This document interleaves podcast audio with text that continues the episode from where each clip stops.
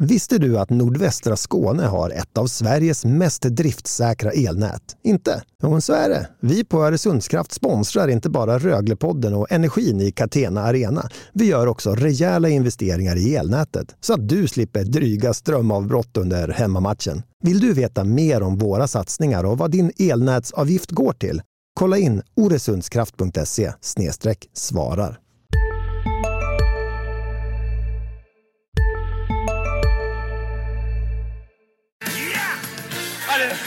Det, är bara, det, är så, bra detta så det, jag vet inte vad jag ska säga.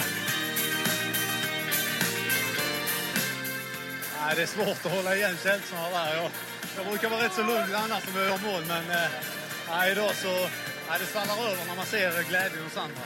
Hasse Anderssons ljuva stämma klingar ut och tar oss in i det fjortonde avsnittet av Rögle-podden som är en slags säsongsavslutning faktiskt. En eh, bartömning, en best of historia.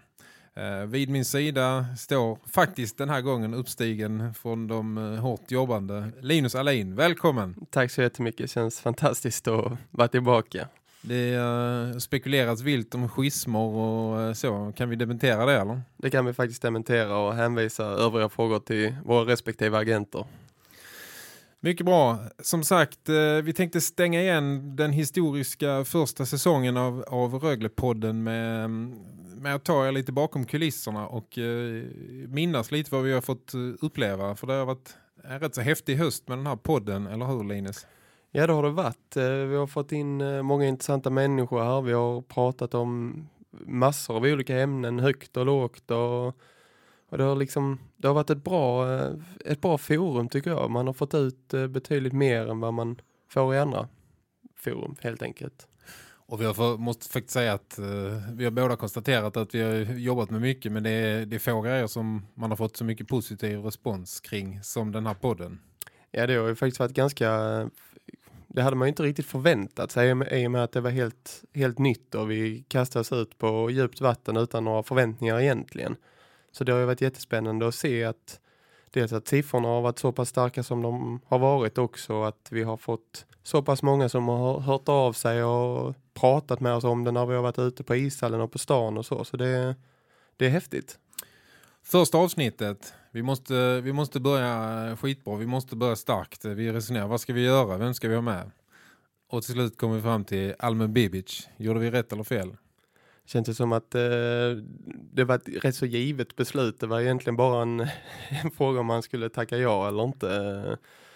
Eh, vi ville ju ha någon eh, stark profil, en stark röst, någon som hade mycket att berätta i första avsnitt för att göra lite avtryck och vi fick ju eh, precis det vi, det vi letade efter. Almen kom in en eh, regnig eh, dag och hängde av sig rocken och, och berättade om sin karriär och eh, men framförallt eh, om si, sin uppväxt och sitt liv. Och vi, vi stod väl båda ganska tagna. Vi tänkte vi skulle bjuda på en minut av eh, denna historien. Det lät så här. Då bodde vi på ett ställe som hette Golfvägen. Jag gillar inte att vara där idag. Det är på väg upp när vi ska spela fotboll så åker man alltid förbi det. Och känslan man får när man åker förbi där, det är bara en klump i magen. Så ja, men folk kastade in stenar och hoppade in dörren och sådär. Och pappa jobbade ju, han jobbade hela tiden. Från 8 till 10 i pizzerian för han ville ju bara samla ihop pengar och skicka ner till sina eh, som behövde det i kriget. Så pappa var ju aldrig riktigt hemma för att kunna hjälpa till och mamma var ju livrädd. Hon bara höll oss liksom och ja, så det var, det var mycket sånt. Vi, morsan var ju livrädd. Hon tänkte om de håller på så här, då ungarna får inte vara ute på gården och leka. Så det var ju, ja, vi, vi var ju sällan ute och lekte. Så det, det, var, det var rätt jobbigt. Sen när vi flyttade ifrån då blev det ju mycket bättre. Och som en bonusinformation kan vi faktiskt berätta att Alme Bibic avsnittet faktiskt är det allra mest lyssnade. Det ligger eh, på en eh, stadig eh, första plats. Vi ska berätta mer om vem som kommer efter honom. I det andra avsnittet så vek du ner dig. Fick jag ro båten alldeles själv. Eh, då kom Roger Hansson på besök. Eh, han berättade om sin karriär, eh, mycket häftiga minnen och så. Han berättade också om när han var sportchef i Rögle 2006 till 2010. Det kom att handla lite om utbrändhet. Jag bevakade klubben intensivt på den tiden och hade då och då ganska tät kontakt med. Utan att känna det så inbillar man att har du någon gång varit nära att gå in i väggen så måste det ha varit de åren. Mm. Nej, och det var väl en del, eller en kraftig anledning till varför jag sa att nu räcker det. Alltså, för jag hade ju tydliga signaler på det. Det kliade i hela ansiktet och mobilen, liksom, när den ringde hemma så var det ju direkt så här ögonen och man ville nästan ta den och slänga den i väggen för att ja, det blev ett jättestressmoment eh, och även för familjen liksom att eh, och i det under de åren fanns det också folk som jag tog det väl inte som ett hot på det sättet men folk som då smsar och ja du, din dumme jävel, hur fan du ser du väl att detta inte funkar och spendera pengarna och bla bla vad det nu må vara. Men det, det blir ju på något sätt en sanning i ditt huvud till slut att fan gör jag rätt eller? Har gjort fel eller ja fast man är ganska trygg och bestämd i sig själv så, så börjar man ändå vackla och det tär. Och när vi skulle spela in det tredje avsnittet så kom det en målvakt eh, upptrippande för trapporna här med en eh, rätt så tung, tung last. Eh, vad minns vi från den eftermiddagen Linus? Att det var en väldigt väluppfostrad Rögle-målvakt som eh, kom upp för trapporna, eh, Oskar Dansk. Eh, han hade med sig fika som jag tror hade räckt, räckt till minst två tidningsredaktioner. Det blir ett, även det ett, ett häftigt program eh, som handlar om tuff uppväxt, eh, hårt drillad, om eh, flytta till USA tidigt. Eh, men också att han eh, stärkte lite bilden av eh, målvakten som en liten udda fågel, eller hur? Ja, vi, vi stod ju och väntade på det på, på något sätt att det skulle komma för varje, varje målvakt har ju en, eh, en liten egenhet och eh, till slut så kom det och det lät så här. Eh, Just nu är jag mer intresserad i rymden och sådär men det får jag inte in i det här. Då? Det vill jag också höra mer om faktiskt. Ja, jag, vet, jag såg någon dokumentär om så här, rymden och det där så har jag kollat några avsnitt av det. Jag tycker det är ruskigt intressanta grejer faktiskt. Så hade jag gått i skolan nu så hade jag valt den, den linjen då. Eh, men ju, astronaut? ja, jo men exakt. Eh, och så vet jag inte om du har sett den här filmen Interstellar. Jag har Eh, sett den. ja. Jag sett den. Eh, den är ju ruskigt intressant faktiskt. Eh, så det får en att tänka lite grann liksom, hur små vi egentligen är. Eh, och liksom vad som mer kan finnas där ute. Det kanske låter löjligt men eh, ja, det, är, det är lite intressant att tänka på när vi ligger där innan jag ska somna. Liksom. Avsnitt fyra blev eh, faktiskt vårt längsta avsnitt. Eh, Det var Andreas Lilja som var gäst. Men med facit i hand när vi satt och klippte så tyckte vi båda att det kändes helt rätt. För den eh, mannen hade ett och annat att berätta. Ja, med så lång karriär så hade det varit konstigt annars. Han ehm, berättade om sin tunga tid när han eh, åkte på sin huvudskada och sin långa, långa eh, karriär i NHL. Han hade ju eh, konstant huvudvärk i ett år och testade det mesta som eh, fanns att tillgå och lite till för att komma till rätta med detta. Och det, mm, det lät så här. Eh, det var första mötet med han och han kom in och han bara, han tittade på mig, det var ju sån här ja, spökläsare, han såg rakt igenom mig och sa det här ser inte bra ut. Nej, så jag fick komma in där och sen, då var det precis som att han, han gjorde en massa grejer och knäckte och tryckte och höll på. Och, och då var det precis som han drog en vinkork i nacken och så bara började forsa blod ut ur huvudet. Kändes det som i alla fall. Men det var någonting som forsade och då, hade jag faktiskt inte huvudvärk på tre dagar och tänkte fy fan vad gott, nu är det slut. Vad gjorde han med det då? då? Ja, han gjorde, vad gjorde han inte? Så skulle jag vilja säga. Men det är ju en sån där som liksom för till, för, för till att hela kroppen fungerar. Se till så alla muskler är bra, se till så alla kotor och grejer ligger rätt. Eh, höll på med, han höll på med sina såna akupunkturnålar som han satte in i munnen på mig. Eh, för att eh, han tyckte min käke var spänd så att han eh, tryckte på dem där och det, han, han, han provar nog allt. Och eftersom det var det längsta avsnittet så får Lilja ett klipp till och det handlade om eh, baksidorna med en lång karriär och många smällar mot huvudet. Vad märker du för, för sviter av det idag då i, i ditt vardagliga liv? Ja, jag har, har dåligt minne har jag faktiskt. Eh, Jag får höra det varje dag från min fru att jag inte kommer ihåg någonting. Så att, eh, tyvärr är det så. Eh, bra eller dåligt. Vissa grejer är ju bra att glömma. Dåliga matcher glömmer man ganska fort. De försvinner liksom. Så att, eh, Det blir ingen klyscha för dig sen när du börjar spela igen. Att Nej, det har precis. jag redan glömt. det har jag redan glömt. Så att, eh, men tyvärr kommer man inte ihåg de bra matcherna heller ibland. Så att, eh, Ja, vad, är det du, vad är det du glömmer?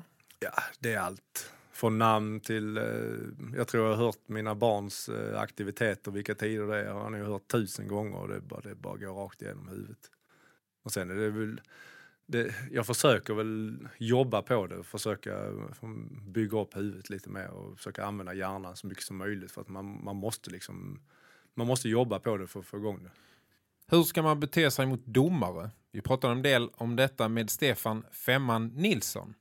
Men, men det jag tänker på i det här sammanhanget är att som nykomling så får du inte bara förtjäna din plats i serien utan du får också förtjäna din respekt hos domarna och att de ska lära känna dig. Och jag tror att de här lagen, det upplevde jag själv i alla fall när man hade varit med något år och man fick vara kapten i ett lag, att man kunde prata mycket mer med domarna, man var respekterad. Det var ett lag som om man nu får säga var lite mer känt i namn, till exempel när vi spelade jämfört med när Upplands Väsby var uppe eller Väsby var uppe och spelade, så tror jag att de hade det lika tufft som Rögle har det nu. För det var många nya killar, domarna visste inte riktigt vad man hade då, men spelade ju ett lag som var känt och som på något sätt det blir en liten omkringresa, alltså en cirkus som åker runt det här och man lär känna varandra på ett annat sätt. Och du får en större möjlighet att göra vissa saker och prata med domaren också på ett annat sätt när du har växt in i kostymen och varit med lite längre. Så att jag tror att eh, laget måste köpa det här att domarna är lite, lite jobbiga om man nu får säga det i det här sammanhanget. Backen Erik Martinsson är en av de spelarna som har lämnat Rögle för eh,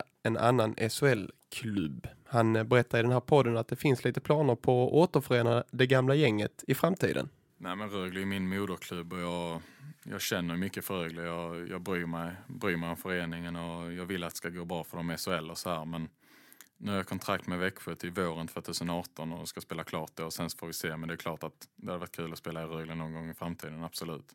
Och jag har många, många kompisar ute i andra SHL-klubbar och NHL och överallt och det hade varit jättekul att spela med dem, absolut. Men nu är, nu är det Växjö som gäller. Rögle hade kunnat få ihop ett rätt hyfsat lag om de har samlat ihop alla er, eh, alla er som har flyttat iväg. Ja, vi har faktiskt snackat om det lite. Tänk om vi alla hade kört kompisgänget och, och kört ett år tillsammans. Det hade varit rätt grymt faktiskt. Men det, det ligger rätt långt borta just nu. Och på tal om att ge sig ut på djupt vatten så gjorde vi det i avsnitt 7 när Jack Connolly steppade in i studion. Då var det premiär för att prata på engelska i en timme. Hur gick det? Jag tyckte det gick fantastiskt bra. Alltså jag, hade jag var rätt nervös inför det avsnittet men jag, jag är nöjd med vår prestation faktiskt. Vi hade ju faktiskt bestämt oss för att sätta oss ett visst klockslag och gå igenom det extra noga det avsnittet och prata manus. eh, eh, Men precis när vi satte oss ner och skulle göra det så ringde Jack Connolly och sa att eh, jag är en halvtimme tidig. Eh, Här är jag. Ja, Vi borde ha synat det egentligen att han är en sån som inte eh, kommer för sent och är rätt så korrekt med, med tider och så. Men jag tyckte som sagt ändå att vi, vi löste det rätt så bra. Absolut. Och vi frågade om han har fått höra någon gång att han är för liten. Oh yeah, I mean, I Hej, Ulf Kristersson här. På många sätt är det en mörk tid vi lever i. Men nu tar vi ett stort steg för att göra Sverige till en tryggare och säkrare plats. Sverige är nu medlem i NATO. En för alla, alla för en. Vi är specialister på det vi gör, precis som du. Därför försäkrar vi på Swedea bara småföretag, som ditt. För oss är små företag alltid större än stora och vår företagsförsäkring anpassar sig helt efter firmans förutsättningar. Gå in på swedea.se företag och jämför själv. Yeah, I heard it all the way up. You know, I, I was never obviously the biggest guy. I was one of the smaller guys at every level I played at. Uh, so I had to try and develop other parts of my game to try and make up for that. Try to think the game smart, um, work on my foot speed a little bit, um, be creative with the puck, you know, work on my technical skills and things like that. I think I need to be a little bit better in order to make up for my lack of size and maybe strength with some guys. So, um, yeah, I hear it all the way up. I heard it in high school. You know, you won't play junior hockey, you prove it at juniors, and then you won't do well in college. You prove them in college, and they'll, well, who knows if you can make the transition to the pro level. You know, I come to Sweden, and I'm, I think I'm still learning over here, but I think I'm doing okay. So I think it's just trying to prove some of those people wrong that, that I maybe, might have been too small to play uh, beyond maybe high school. 17 säsonger i en och samma klubb. Den prestationen eh, har Kent Swiss Svensson levererat. Eh, En av kvällarna så kom han hit och berättade om sin långa karriär och där fick vi några sköna eh, stories oss till livs. En av dem lät så här. Ja, det ska vi se. Det var ju en, en rolig grej också. Vi, vi tränade alltid på, eh, på lördag förmiddagarna. Och eh, det var ju när vi var i Ängelholm. Eh, ett par killar eh, kom för sent till träningen och vi, träningen hade varit igång i 20 minuter. Och, och då kom de in där och visste ju att det här var inte, det här var inte lyckat alltså. Komma för sent till en träning med Ted Sater, det, det gjorde man bara inte. Eh, Så Ted Sater han blåste av eh, träningen där och bad alla vi andra som hade varit med från början att sätta oss i, i avbytarbåset. Och sen tog han eh, de här två killarna och körde stopp och start tills de kröp av planen helt, helt enkelt. Vågar man sitta och garva i båset då? Eller det var... Nej, det vågar man inte göra eh, med Ted Sater.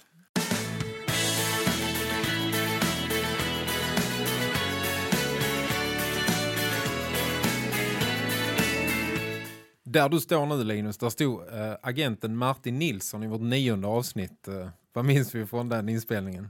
Eh, att det var en väldigt intressant intervju men eh, främst så var det väl eh, positivt att vi inte kör live här eftersom Martin Nilsson rev ner hela micken mitt eh, under inspelningen och fick lite panik över detta men som sagt det var ingen skada skedd ju. Han berättade, eh, vi ställde lite frågor om vad en landslagsspelare i Schweiz kan tjäna och då berättade Martin så här. Ja, vad är det? Dick Axelsson och, och de killarna har väl upp mot en, säkert en tre miljoner i netto.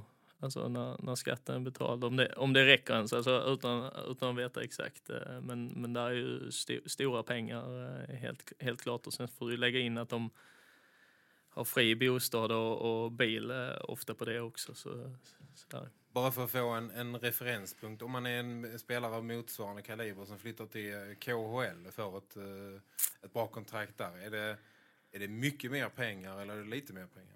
Ja, det, det är mycket mer pengar. Det är nästan kanske dubbelt upp. Jag tror, säg, säg om du är en bra, riktigt bra SHL-spelare så landar du kanske någonstans runt 500 till 800 000 dollar. eh, Också brutto visserligen, men de har ju bara 10% skatt i, i Ryssland. Så.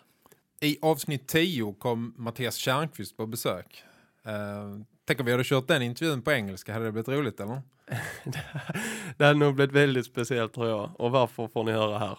Ja, men det var ju en rolig grej med brorsan var ju över och hälsade på när jag var i Salt Lake City. Så, eh, så kom han till hallen och vi skulle ju åka och hyra en bil. Och i alla lag så har de ju så kallade stickboys som hjälper materialarna eh, med klubbor och allt skit göra. Eh, så eh, skulle han skjutsa mig och brorsan till ja, den här bilfirman och brorsan sitter, jag sitter i framsätet med och brorsan sitter bakom mig. Eh, och det var lite tyst här i början. Och så började vi snacka lite grann. Man drog någon enkel engelsk fras och till slut slänger, slänger man ur sig So, where do you boo? Så, så, så, och då hör man i baksätet bara och där, sedan dess har man ju kallats Bosse hemma. Så, så det, var, det var mycket svengelska där i början men eh, som nu känns det mer tryggt. Nu flyter det mer på tycker jag. Och i nästa avsnitt så hade vi Rögles lagkapten Kristoffer Liljevall som gäst och det är faktiskt vårt eh, näst mest lyssnade avsnitt efter eh, Almen Bibic. Och på tredje plats eh, på pallen har vi också Andreas Lilja. Och en av frågorna som eh, Liljevall svarar på var vad han vill uppnå innan han lägger av med hockeyn.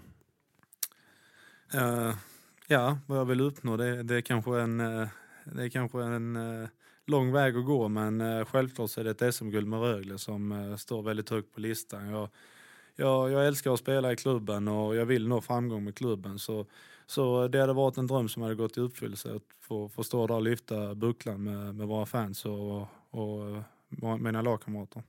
Och sen så försökte vi fiska efter eventuella ny nyheter genom att fråga honom om ett eh, klubbyte. Malmö? ja. Ja, Malmö alla dagar i veckan. Eller? Nej. Det är inte aktuellt? Nej, det är nog inte aktuellt. Eh, de hade nog kunnat gett mig 100 miljoner men jag hade nog inte satt min anteckning där ändå.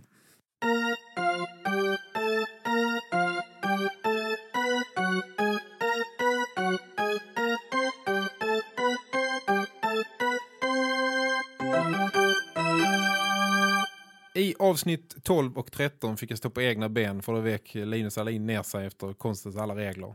Eh, men i det tolfte avsnittet kom Gunnar Persson hit och um, han, han, hade otroligt målande berättelser. Han berättar bland annat om sina thrillerhistorier som han uh, berättar eh, för sina J20-spelare i någon slags pedagogiskt syfte. Och när vi kommer in i historien så är det målskytte Gösta ifrån Kattarp som avhandlas. Han hade ju en begåvning att han gjorde alltid jäkligt mycket mål. Både i handboll och fotboll och ishockey.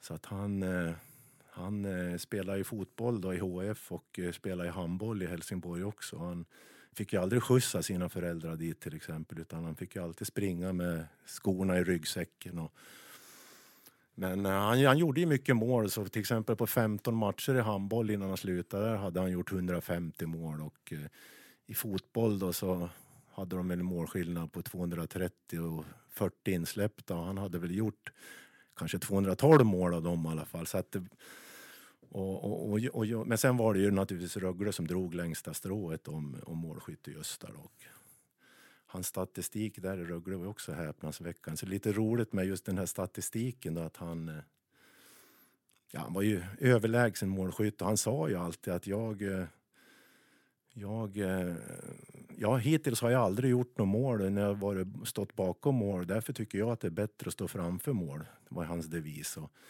efter det, alltså matchen efter, så var alla framför mål helt plötsligt. När de inte varit så att det var en massa måsten utan ja, lite sådana där grejer för det blir lite annorlunda. Ja. Det är många sidor i den där historien om, om Gösta. Men sen, sen har vi någon mer också som, som eh, när vi var dåliga i närkamperna så skrev jag en story om Tacklar-Agne då, som var från, från Kvidinge var han faktiskt. Tacklar-Agne? Ja. ju... Vi, vi, var då, vi var dåliga att tackla och, och dåliga i närkamperna så då, då var det en story om Tacklar-Agne hur han jag jobbade hemma på gården i Kvidinge och han hade ju aldrig kört styrketräning men han var jävlig i skogen och hugga ved så att han vart ju otroligt stark. Och när man liksom kom in på hans statistik sen så, så hade han ju han gjorde väl ett mål han tror jag på kanske 30 matcher men han, han hade 450 tacklingar på 30 matcher och no, noll förlorade närkamper så att det var ju kan inte värva honom då? ja. Nej, men det är lite såna där. Så just nu har vi tre personer. Det är ju de två då. Det är just Agne och så har vi Fys-Janne också som var från Grevie. Oh, berätta ja. lite mer om Fys-Janne. jag vet inte om jag kommer ihåg allt. Men Fys-Janne också, han var ju ett fysfenomen. För ett tag tyckte vi var så dåliga att sköta fysen själv. Så då, det vart en story om hur Janne växte upp. Och hur han hade det hemma på gården där och vad mycket han tränade på somrarna. Och, och så. Och, det är lite intressant. Va? Det, det, det, går in på något vis och killarna tycker att det är roligt också. Det blir, blir avslappnat. Idag har Rögle något slags rykte som kvalspecialister. Men vägen dit var, var lång och krokig. Eh, Jakob Johansson som fick ihop 16 säsonger i Rögle. Han var med på hela den resan. Eh, och han berättade om eh, vägen till målet. Det som jag, alltså den mest utmärkande punkten är väl att vi de tidiga åren hade vi kanske inte lyckats eh, gå hela vägen. När det kom någon motgång i början av kvalserien så, vad ska man säga, inte gav upp men eh, vi tappade tron på att vi skulle lyckas. Eh, men samma där, när vi samlade på oss erfarenheten så till slut så visste vi att det är inte slut för att man har förlorat två matcher utan det, det gäller att vara på topp efter tio omgångar istället. Och den här våren 2008 så vann ni bara en match av de fyra första. Eh, och jag var inte ensam om att totalt räkna ut er att det var kört. Eh, men det var det inte. Ni, ni vann sex raka matcher då och gick upp. Ja, det, vi fick ett dubbelmöte mot Västerås där i omgång eh, fem och sex blev det väl och eh, lyckades vinna dem ganska så, ganska så enkelt och fick en tro på att att nu kör vi hela vägen och eh, jag tror i omgång åtta blev det väl så slog vi eh, Leksand borta. Sju, omgång sju. Omgång sju, ja förlåt. Och det, eh, där fick vi väl en, en riktig tro. Vi, bland annat Martin Johansson kom in i, jag och Micke Gart delade rum eh, på den resan och han kom och knackade på vårt rum sent på kvällen och eh, kolla här killar sa han. Så slog han på text-tv och visade vilket schema som var kvar och vilka schema de andra lagen hade kvar. Så, ja, vi tittade på honom, vad menar du? Vi kommer gå upp sa han och det, ja, så fick han förklara, han tittade vilka matcher som skulle vinnas och vilka lag och mycket riktigt så skulle vi vara ett av de två lagen som stod högst upp efter tio omgångar. Det var det hela. Det var den historiska första säsongen av eh, Röglepodden. Nu eh, tar vi lite sommarlov från detta och eh, kommer vi tillbaka till hösten, Lidus? Vi hoppas absolut det. Med nya program och nya intressanta gäster och samtal eh, i den här studion. Och vi kan ju passa på att tacka alla som har hört av sig och alla som har lyssnat på den här podden. Absolut, jag instämmer i de tack, det tacktalet. Eh, Ni är många som har önskat gäster i, i mejlen. Eh, Kenny Jönsson är väl den mest önskade gästen.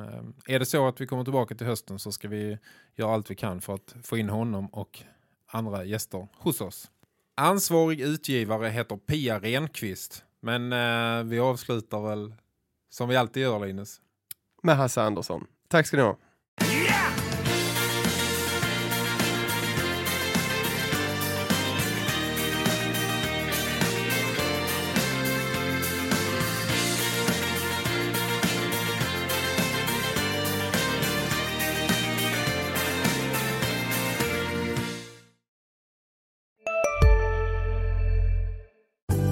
Synoptik här. Hos oss får du hjälp med att ta hand om din ögonhälsa. Med vår synundersökning kan vi upptäcka både synförändringar och tecken på vanliga ögonsjukdomar. Boka tid på synoptik.se. Hej, Susanne Axel här. När du gör som jag och listar dig på en av Krys vårdcentraler får du en fast läkarkontakt som kan din sjukdomshistoria. Du får träffa erfarna specialister, tillgång till lättakuten och så kan du chatta med vårdpersonalen. Så gör ditt viktigaste val idag, lista dig hos Kry.